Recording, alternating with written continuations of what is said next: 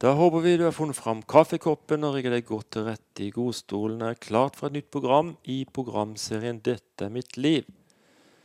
Eller kanskje du sitter i bilen på vei fra A til B og ønsker noe annet enn bare musikk.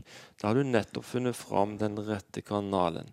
Den neste snaue timen kan du bli bedre kjent med dagens gjester når de forteller om sine nedturer, oppturer, nederlag og seire. I dag befinner jeg meg i Jørgen Reinertsen, som ligger på eh, Mjøløst gård, som ligger eh, idyllisk til utenfor Sandefjord eh, sentrum. Og dagens gjester er Cecilie og Daniel Nervik. Velkommen som gjester i Dette er mitt liv. Hjertelig takk. Takk for det. Dere har begge opplevd mye tøft i livet, men også mye herlig. Ikke minst at dere er ganske så nylig gifta dere. Dette skal vi komme tilbake til etter hvert. Men vi må bare få litt informasjon om Mjølløst gård. Kan jeg fortelle? Mjølløst gård er eh, i dag et bofellesskap. Det har vært, eh, blitt brukt som rusrehabilitering i, i veldig, veldig mange år. Eh, mens vi nå har lagt om drifta til å være litt mer som et kristent bofellesskap. Hvor mennesker av alle bakgrunner eh, bor her sammen med meg og Cecilie. Eh, mennesker med angst, med depresjoner, med rusproblemer. eh, som velger å komme hit for en periode i livet sitt for å bare bo sammen og søke Gud sammen og, og bli reist opp igjen. Altså, og få en ny start på livet.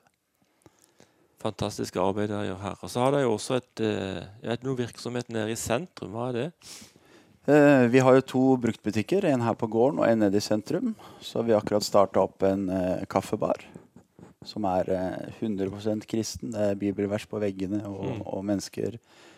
Vårt hovedfokus er jo å få evangeliet ut på en enkel måte til mennesker. Og da ser vi at den kafeen er et godt verktøy. Det er mange mennesker som kommer dit eh, for å få en god samtale i hverdagen.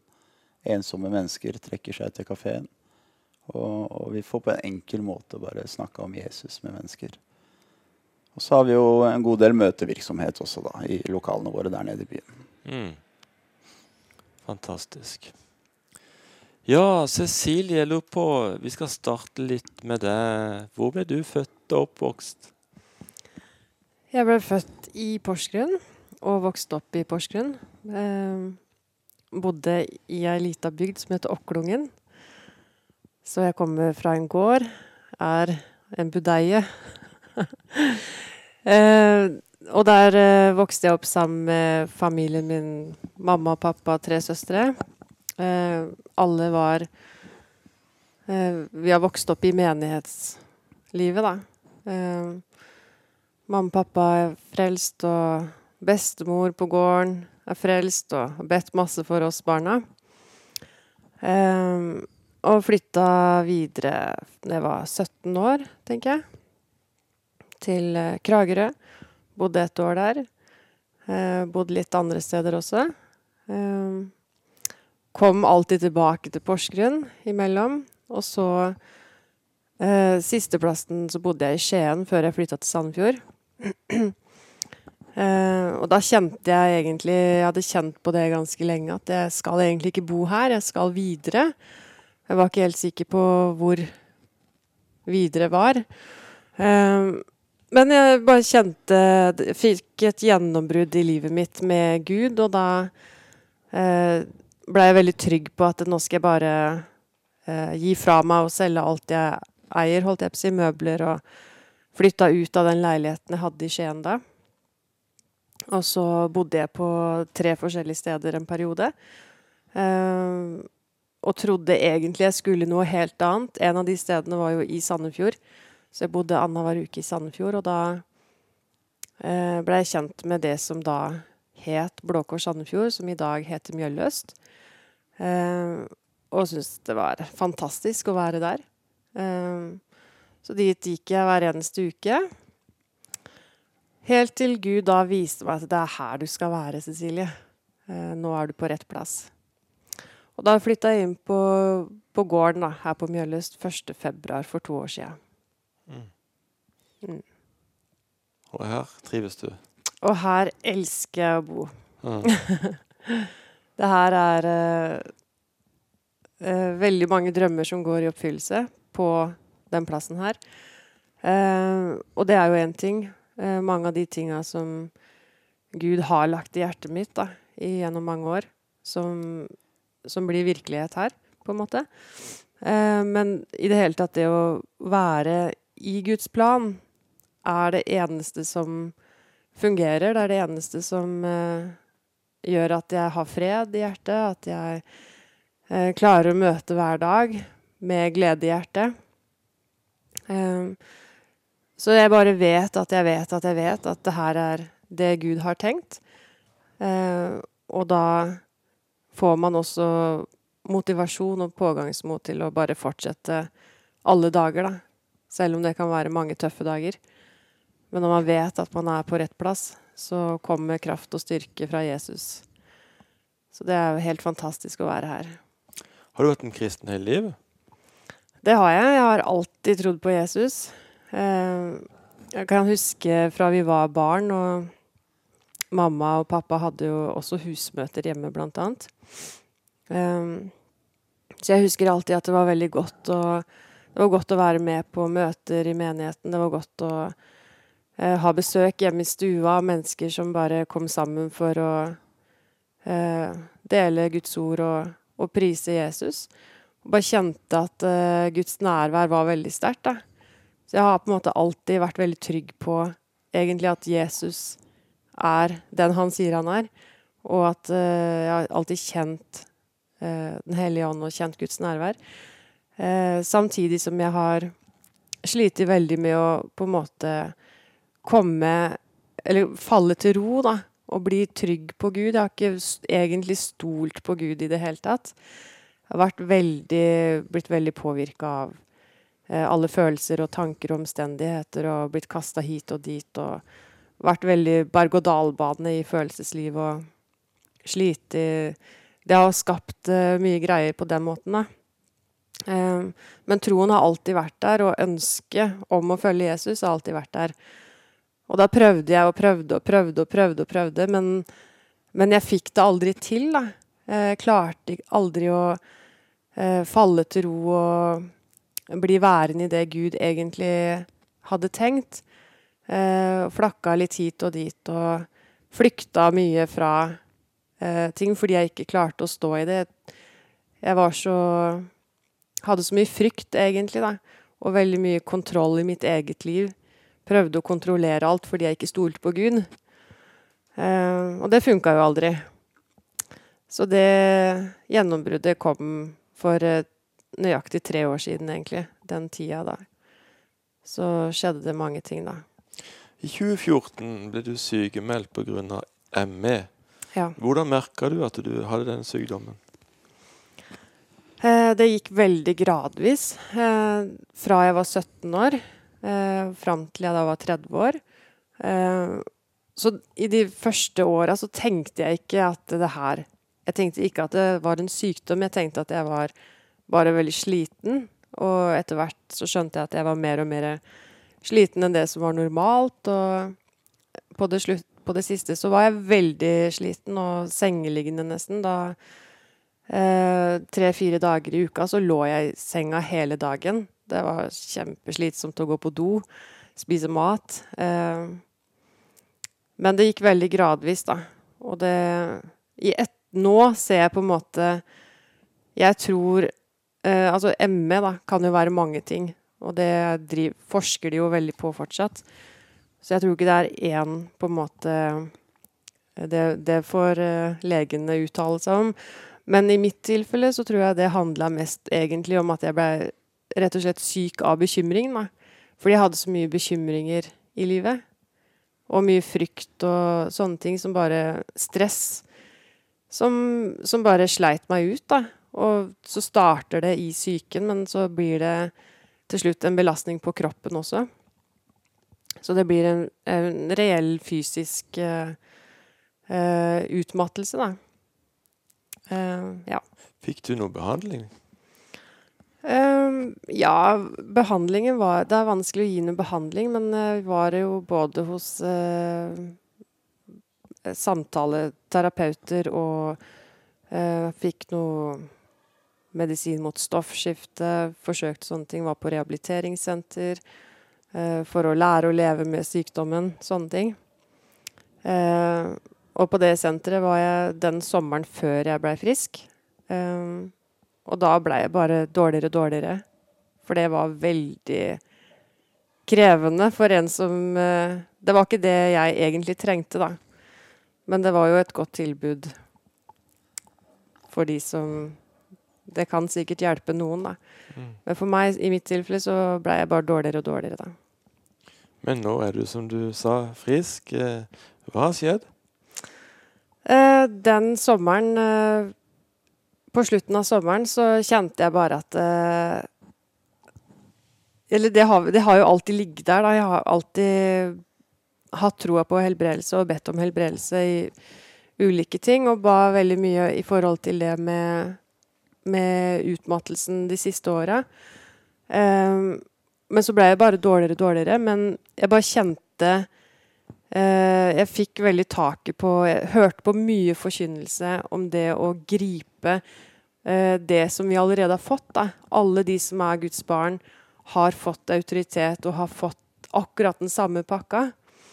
Gud gjør ikke forskjell på noe menneske. da. Så hvis du har tatt imot Jesus som din frelser og har blitt Guds barn og ønsker å følge han, så får du alle rettigheter som Guds barn i hans rike. Og så begynte Gud å vise meg de tinga her, at uh, jeg har fått det, og at jeg må gripe det.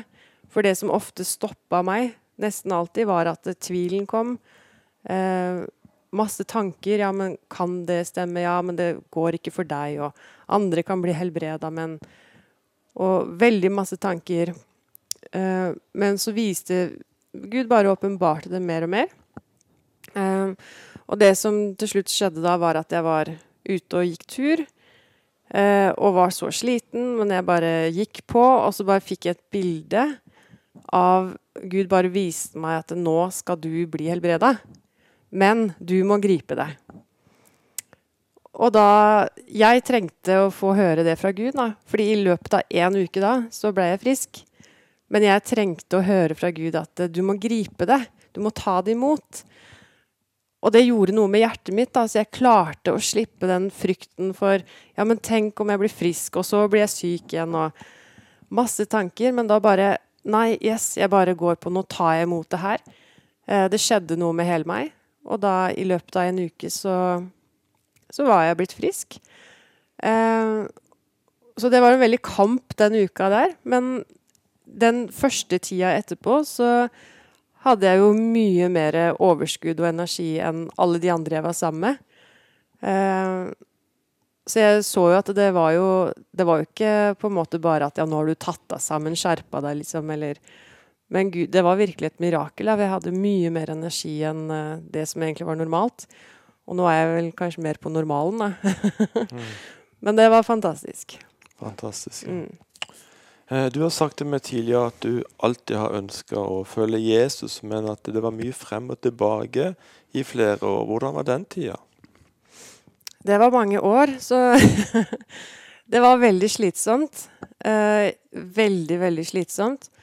Eh, derfor så er hjertet mitt Jeg er veldig opptatt av på en måte Det betyr veldig mye for meg eh, Det å hjelpe andre mennesker også til å se eh, hva vi har fått. At vi Gud ønsker at vi skal overgi alt i hans hender. Stole på han i alle ting. Gi hele hjertet vårt, gi hele livet vårt. For jo mer vi klarer å ofre og bare gi opp vårt eget, jo mer kommer vi ut i den friheten han har tenkt. Eh, og også det å ikke streve i egen kraft, ikke streve i seg selv. Vi har så lett for å Og mange har det flink pike-syndrom, og vi skal være så flinke og få til alt. og og bruker intellektet veldig mye. da, Tenker med hodet og hvordan man skal få til ting. og Jeg var veldig låst i, i på en måte hvordan man tenker rundt ting. Eh, og jeg må få det til på den og den måten. Og, og så bare Gud gjort så mange ting. Men bare, du skal bare slippe alle de tinga der. Du skal ikke bekymre deg for noen ting. Du skal ikke frykte for noen ting. Du skal bare hvile og være mitt barn. Det er det Gud ønsker for oss. Da. Han ønsker å ha fellesskap med oss. Han ønsker at vi skal være hans barn. Først av alt bare ha fellesskap med Gud. Komme tett til han og kjenne at uh, Gud, du er pappaen min. Jeg kan hvile hos deg. Jeg kan stole på deg. Og det å komme bort ifra alle, alt det strevet med Og hvis jeg bare gjør sånn, hvis jeg bare ber to timer hver dag, ja, da hører Gud meg. Eller hvis jeg ber på en spesiell måte, eller hvis jeg gjør en spesiell aktivitet. og hvis jeg gjør alle aktiviteter i menigheten, kanskje Gud hører meg da. Men det er ikke sånn. Det er ikke, Gud ser ikke på våre gjerninger på den måten. Alle gjerninger vi gjør, det skal komme ut ifra den troen vi har på Han. Ut ifra den nåden vi har fått. Fordi Gud har gitt oss alt. Gjennom Jesus så har vi fått absolutt alt. Og det er dit Gud vil ha oss, da, at vi ser det at det, eh, i meg selv så er jeg ingenting. Men når jeg klarer å overlate alt til Han, så får jeg alt det jeg lengter etter, alt det jeg trenger. Men vi må komme inn til hvilen, vi må komme tett til brystet til pappa og kjenne at her er det godt å være. Her kan jeg hvile. Og da kan vi våkne hver dag og kjenne at det, uansett hva som møter meg i dag, så tar jeg én ting om gangen, én dag om gangen, og da finner, jeg, da finner jeg styrke i Jesus. Hvis jeg skal planlegge den neste uka og tenke på alt jeg skal gjøre som ikke jeg får til, da strever jeg, da blir jeg bekymra og full av frykt. Hvis jeg tenker på hva skal jeg gjøre de neste to timene. Takk, Gud, for at du er med meg. Takk for at du gir meg styrke, Jesus. Takk at du skal bære meg gjennom de tinga her. Det jeg ikke får til, Gud, det skal du gjøre gjennom meg. Så kan jeg bare være meg selv. og Jeg er ikke perfekt, jeg er ikke fullkommen i alt jeg gjør, men det jeg ikke får til, der kommer Guds kraft inn. Og da kan Han få lov til å bære vårs. Så det er mange sånne ting som Gud har jobba veldig mye med i løpet av de åra som jeg følte jeg feila, da, ikke fikk det til. Eh, så i løpet av alle de åra så har på en måte Gud gitt en utholdenhet da, eh, til, å, til, å, bare aldri gi opp, og til å se at eh, hvor viktig det er å komme inn i hvilen. Hvor viktig det er å forstå nåden. Fordi før trodde jeg nåden var jeg forsto ikke nåden da, før Gud åpenbarte det. Jeg fikk aldri tak på det før han viste hva det egentlig betydde. Eh, og det har forvandla hele mitt liv. Det er nøyaktig tre år siden Gud viste nåden. Etter egentlig å på en måte trodd på han i hele mitt liv, så tok det så lang tid.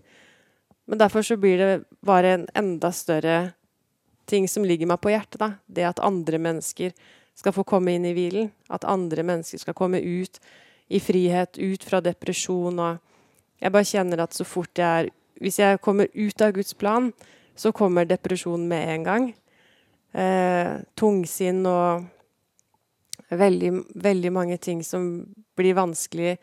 Men i Guds plan, der som Gud har tenkt vi skal være, så blir ting mye lettere. Vi får kraft og styrke til alt vi skal stå i. Da handler det ikke om oss, det handler om hva Han gjør i oss og gjennom oss. Ja. Ja, så bra. Hjertelig velkommen tilbake til programmet 'Dette er mitt liv'. I dag befinner jeg meg, Jørgen Reinertsen, på Mjølløst gård i Sandefjord. Og sitter her med lederne Daniel og Cecilie, som eh, har eh, hatt mye spennende i livet. De har opplevd mye spennende i livet. Cecilie har nettopp før denne musikalske pausen delt veldig mye sterkt her. og nå, Daniel, nå skal jeg bli bedre kjent med deg. Kan ikke du fortelle hvor du ble født og oppvokst? Jeg er født i Ålesund, faktisk. Man kan ikke høre det på dialekta lenger, men jeg er født i Ålesund. Vi bodde der til jeg var seks år gammel, og så flytta vi til Lørenskog utafor Oslo begynte jeg på barneskole der, og vi flytta mye, så jeg gikk på forskjellige, tre forskjellige barneskoler i løpet av den barneskoletida. Og vi endte opp eh, når jeg skulle begynne på ungdomsskolen, så flytta vi til en plass som heter Blystadlia i Rælingen, rett oppafor Lillestrøm. Så der eh, fikk jeg ungdomstida mi. Der ble vi boende en stund. Uh, så det er egentlig oppveksta. Det, det, det førte til at vi flytta så mye, og sånne ting, det var at jeg ble jo ganske i opprør etter hvert. Det var lettere for meg enn å komme på nye skoler. Så var det den enkleste veien for meg var å være en av de tøffe gutta. En av de som gjorde mye ut av seg. Det var den enkleste måten å komme inn i, i en gruppering på, inn blant få nye venner på. Så jeg var jo ganske utagerende i den tida der, og det førte til at uh, allerede i tolvårsalderen så begynte jeg å eksperimentere med rus.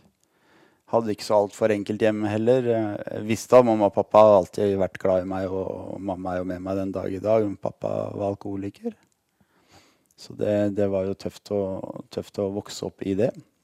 Så det ble en flukt for meg ganske tidlig. Og, og jeg fant meg sjøl rett og slett i narkotika. Det, var, det, gjorde noe med meg som gjorde at det kunne være Jeg trodde i hvert fall. Det er eh, et verktøy den onde har imot oss, som gjør at vi finner fred på feil måte. Så jeg begynte veldig tidlig å eksperimentere med rus. da. Og det, det fulgte meg jo i mange, mange år. Uh, ja. Du har vel etter hvert i fengsel også? Det også.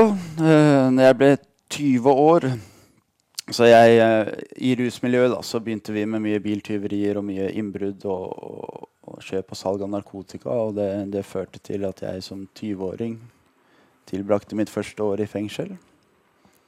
Eh, noen få år etterpå så tilbrakte jeg enda et år i fengsel. så ja, jeg har to ganske lange perioder eh, bak lås og slå. Hvordan eh, var livet der, bak murene?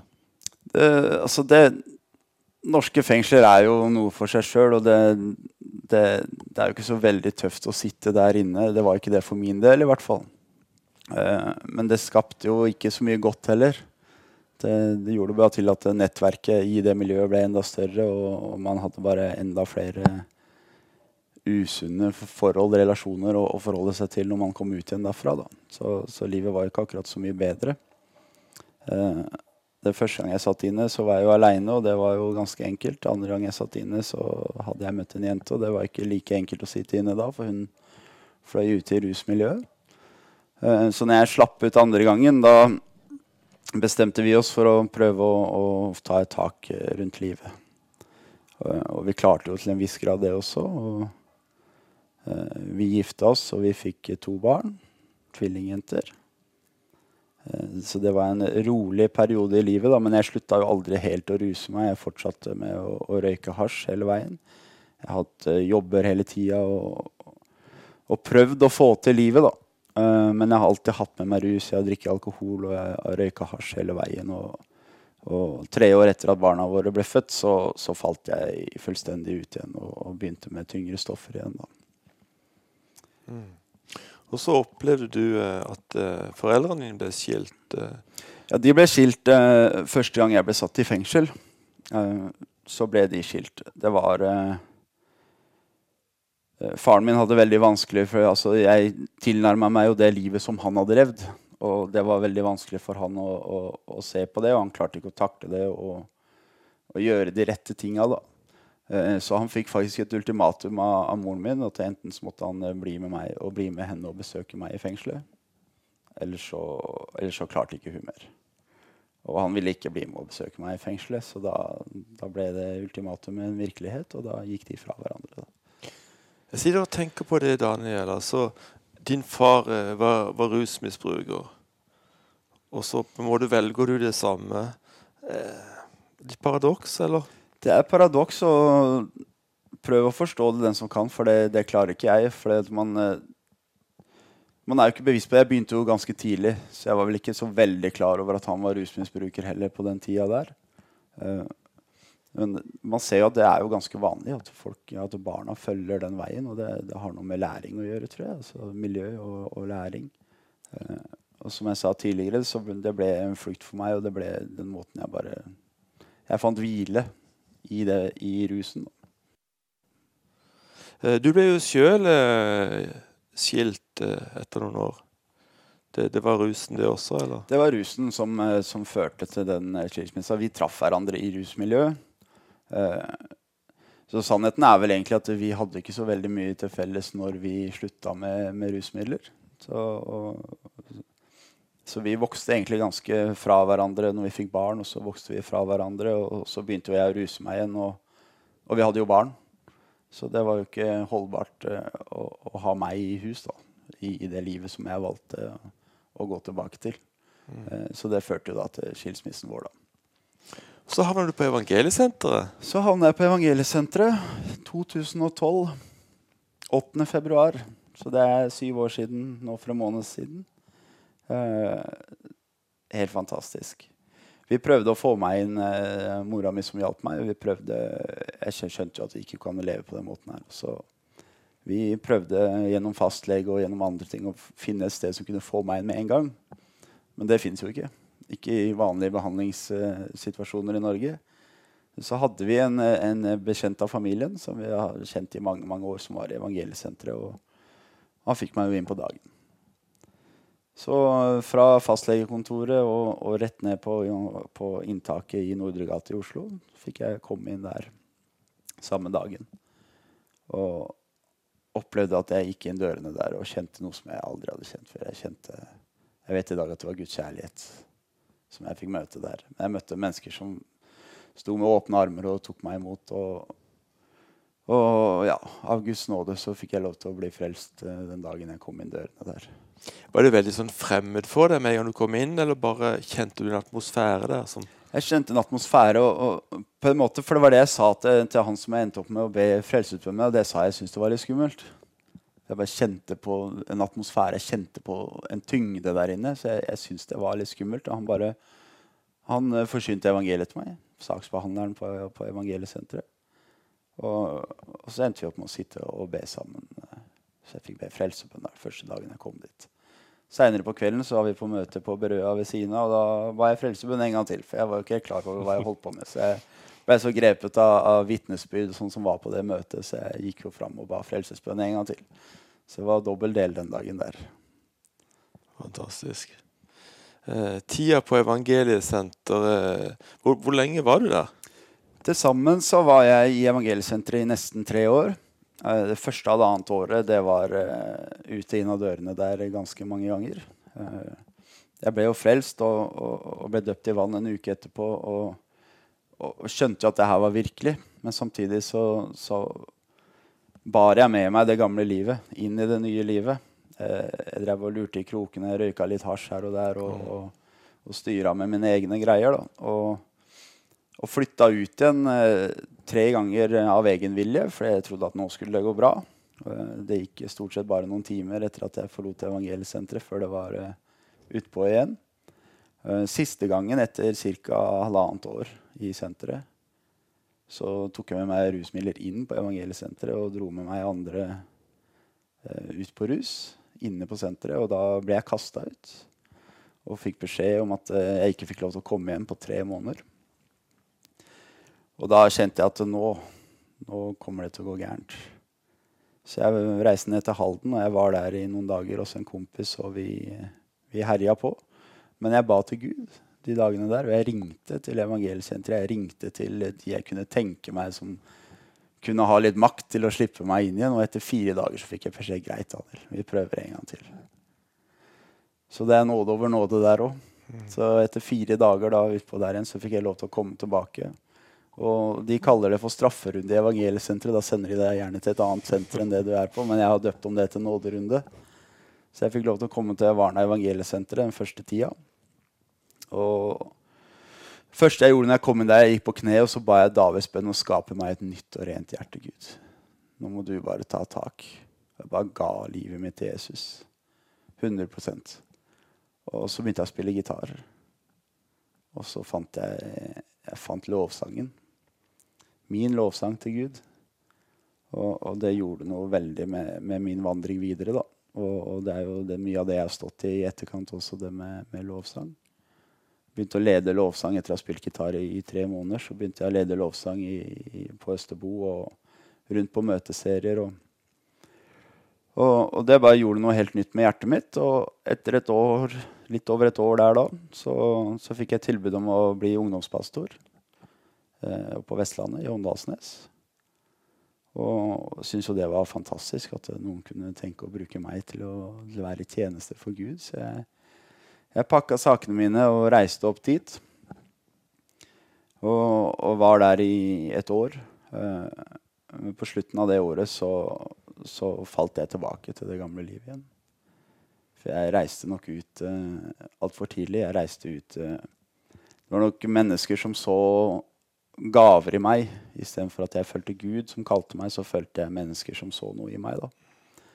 Og, og ble stående i veldig mye der oppe på veldig kort tid. Uh, satt inn i mange ting som jeg ikke burde ha blitt satt inn i. Uh, så det førte til at jeg falt utpå enda en gang. Denne gangen var jeg helt overbevist på at nå, nå er det stopp.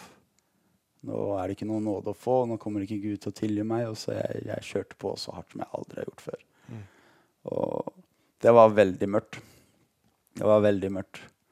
Eh, helt til en dag, etter eh, åtte-ni måneder ute på, på ruslivet igjen, så, så fikk jeg plutselig en tekstmelding på Plata i Oslo.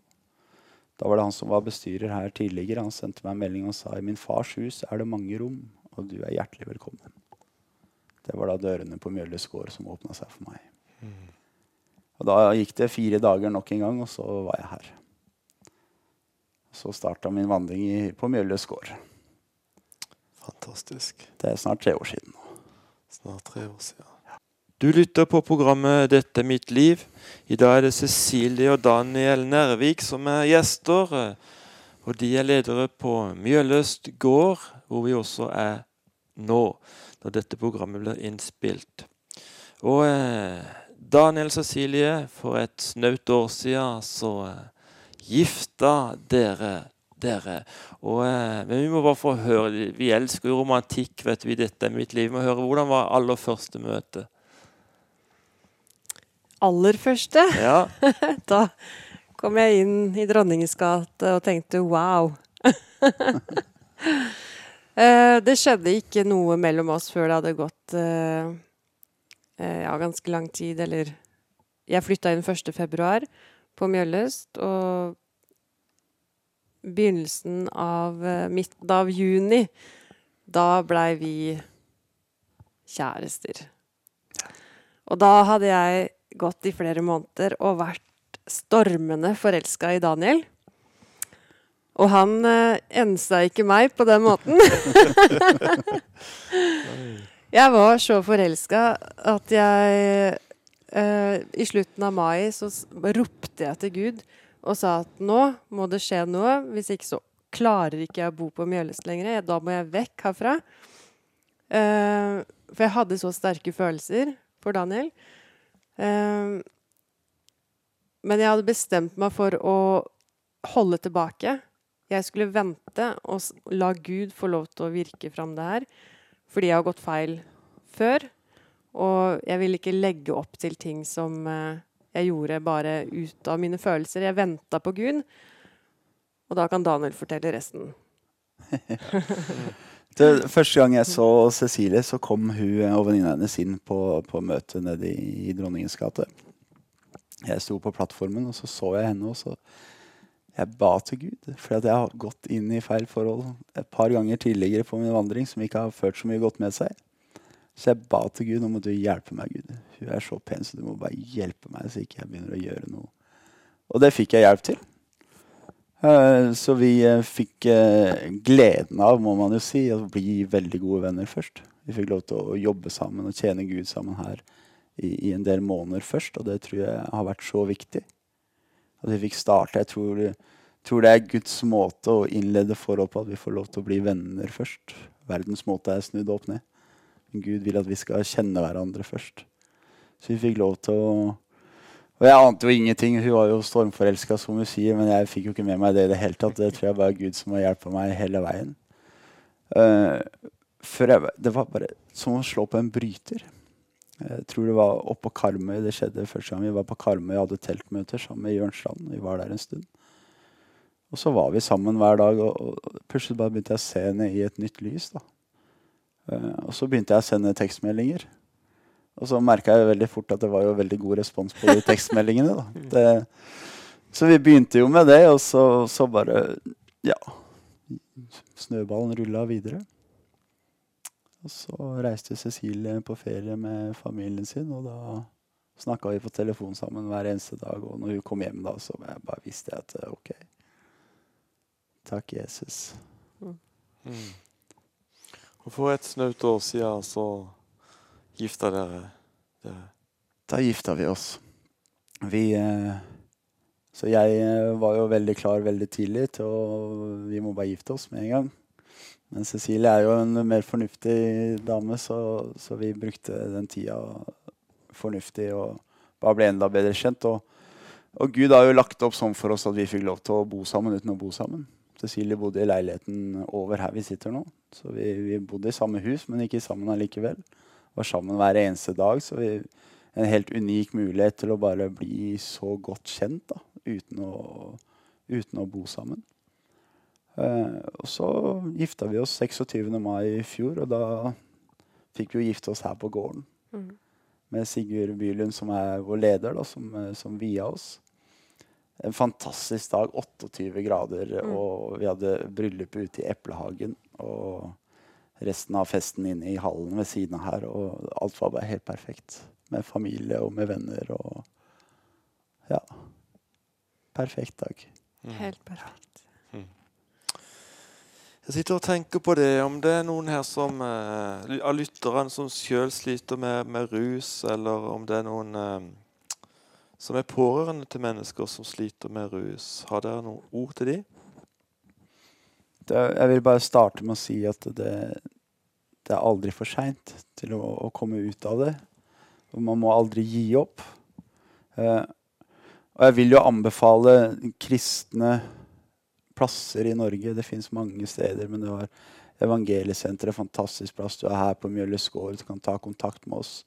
Vi kan være behjelpelige enten med å komme inn hit eller å, å komme inn på evangeliesenteret. Men eh, det er først og fremst å si aldri gi opp. Jesus har en helt annen vei, og han er den friheten vi trenger.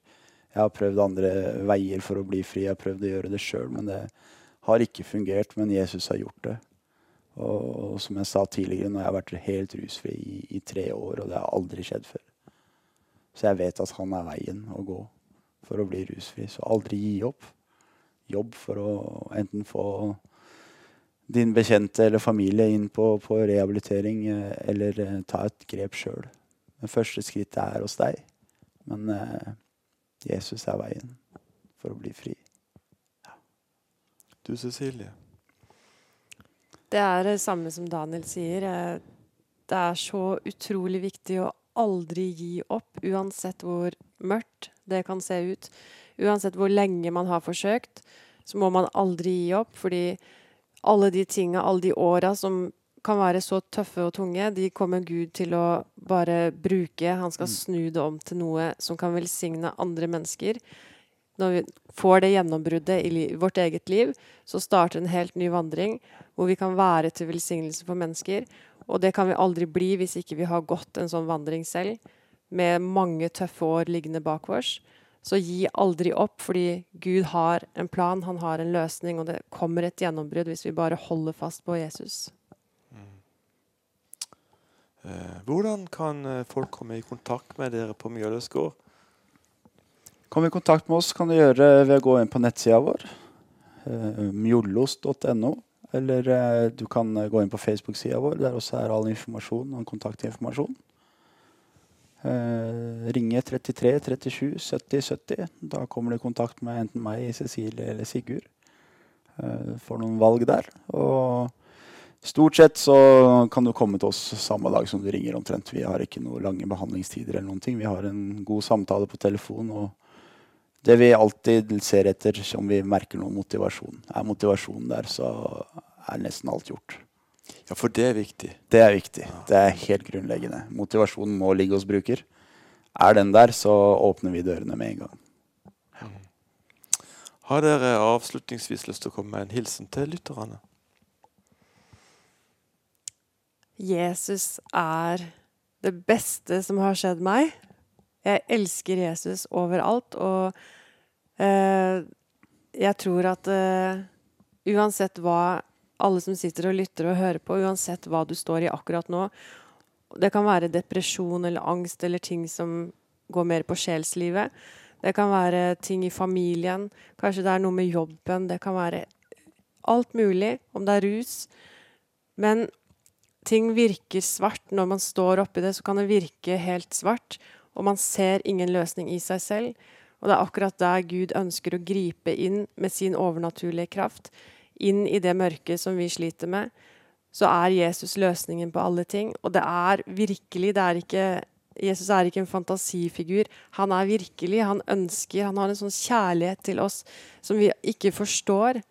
Så åpne hjertet for Jesus og bare rop til Gud der du sitter nå, og si at Gud, kanskje ikke jeg vet hvem du er, kanskje ikke jeg vet hva du har for meg, men jeg trenger deg. Jeg trenger at du griper inn i livet mitt, så jeg bare åpner hjertet mitt for deg nå og ber om at du kommer inn og hjelper meg akkurat nå, Jesus. Vi er ikke avhengig av å be spesielle bønner eller ha spesielle mennesker rundt oss. Bare rop til Gud der du sitter akkurat nå, så kommer han til å svare deg. Kanskje dere også skulle bare lede lytteren lytterne inn i en bønn? Jesus, vi takker deg. Herre. Vi takker deg for at du, du har lagt en lengsel ned i alle menneskers hjerte, Gud. Så vi bare ber om at eh, de som sitter og, og lytter nå, Herre, som ikke kanskje kjenner deg, vi bare ber om at du besøker dem på en helt spesiell måte. Hjelp dem, Jesus, til å, til å se hvem du er. Se at du er veien, sannheten og livet. Se at det er deg de lengter etter, Herre. Så det er det vi ber om i dag, Jesus. Vi bare ber om at du møter lytterne på en helt spesiell måte. I Jesu navn. Amen. Amen. Amen, amen. Cecilie og Daniel Nærvik, mann og kone altså. Hjertelig takk for at dere takka ja til å være gjester i denne programserien. Og tusen takk for at jeg fikk komme her til Mjølesgård og treffe dere og treffe beboerne. Det har vært en glede å være her. Må Gud rikelig bare velsigne dere, deres ekteskap og deres familie i årene fremover, og ikke minst den tjenesten dere står i. Det er Peter James Johansen som redigerer dette programmet. Mitt navn er Jørgen Reinersen. Neste uke er vi tilbake på samme tid og på samme kanal med en ny, spennende gjest. Om du skulle ønske å lytte til tidligere innspilte programmer, så kan du gå inn på våre hjemmesider 9010.no. Dette staves slik nitti10.no. Eh, Der kan du også eh, få litt informasjon om eh, forskjellige arrangementer eh, vi har rundt omkring i Norge. Og hvis du skulle ønske å eh, få mer informasjon om eh, programmer i Dette er mitt liv framover, forskjellige gjester som kommer, så kan du gå inn på eh, min Facebook-side. Mitt navn er altså Jørgen Reinertsen. Legg meg til som venn, gjerne, så kan vi holde litt kommunikasjon. Det hadde vært hyggelig. Da takker vi så mye for i dag, og ønsker deg det beste av alt, Guds velsignelse.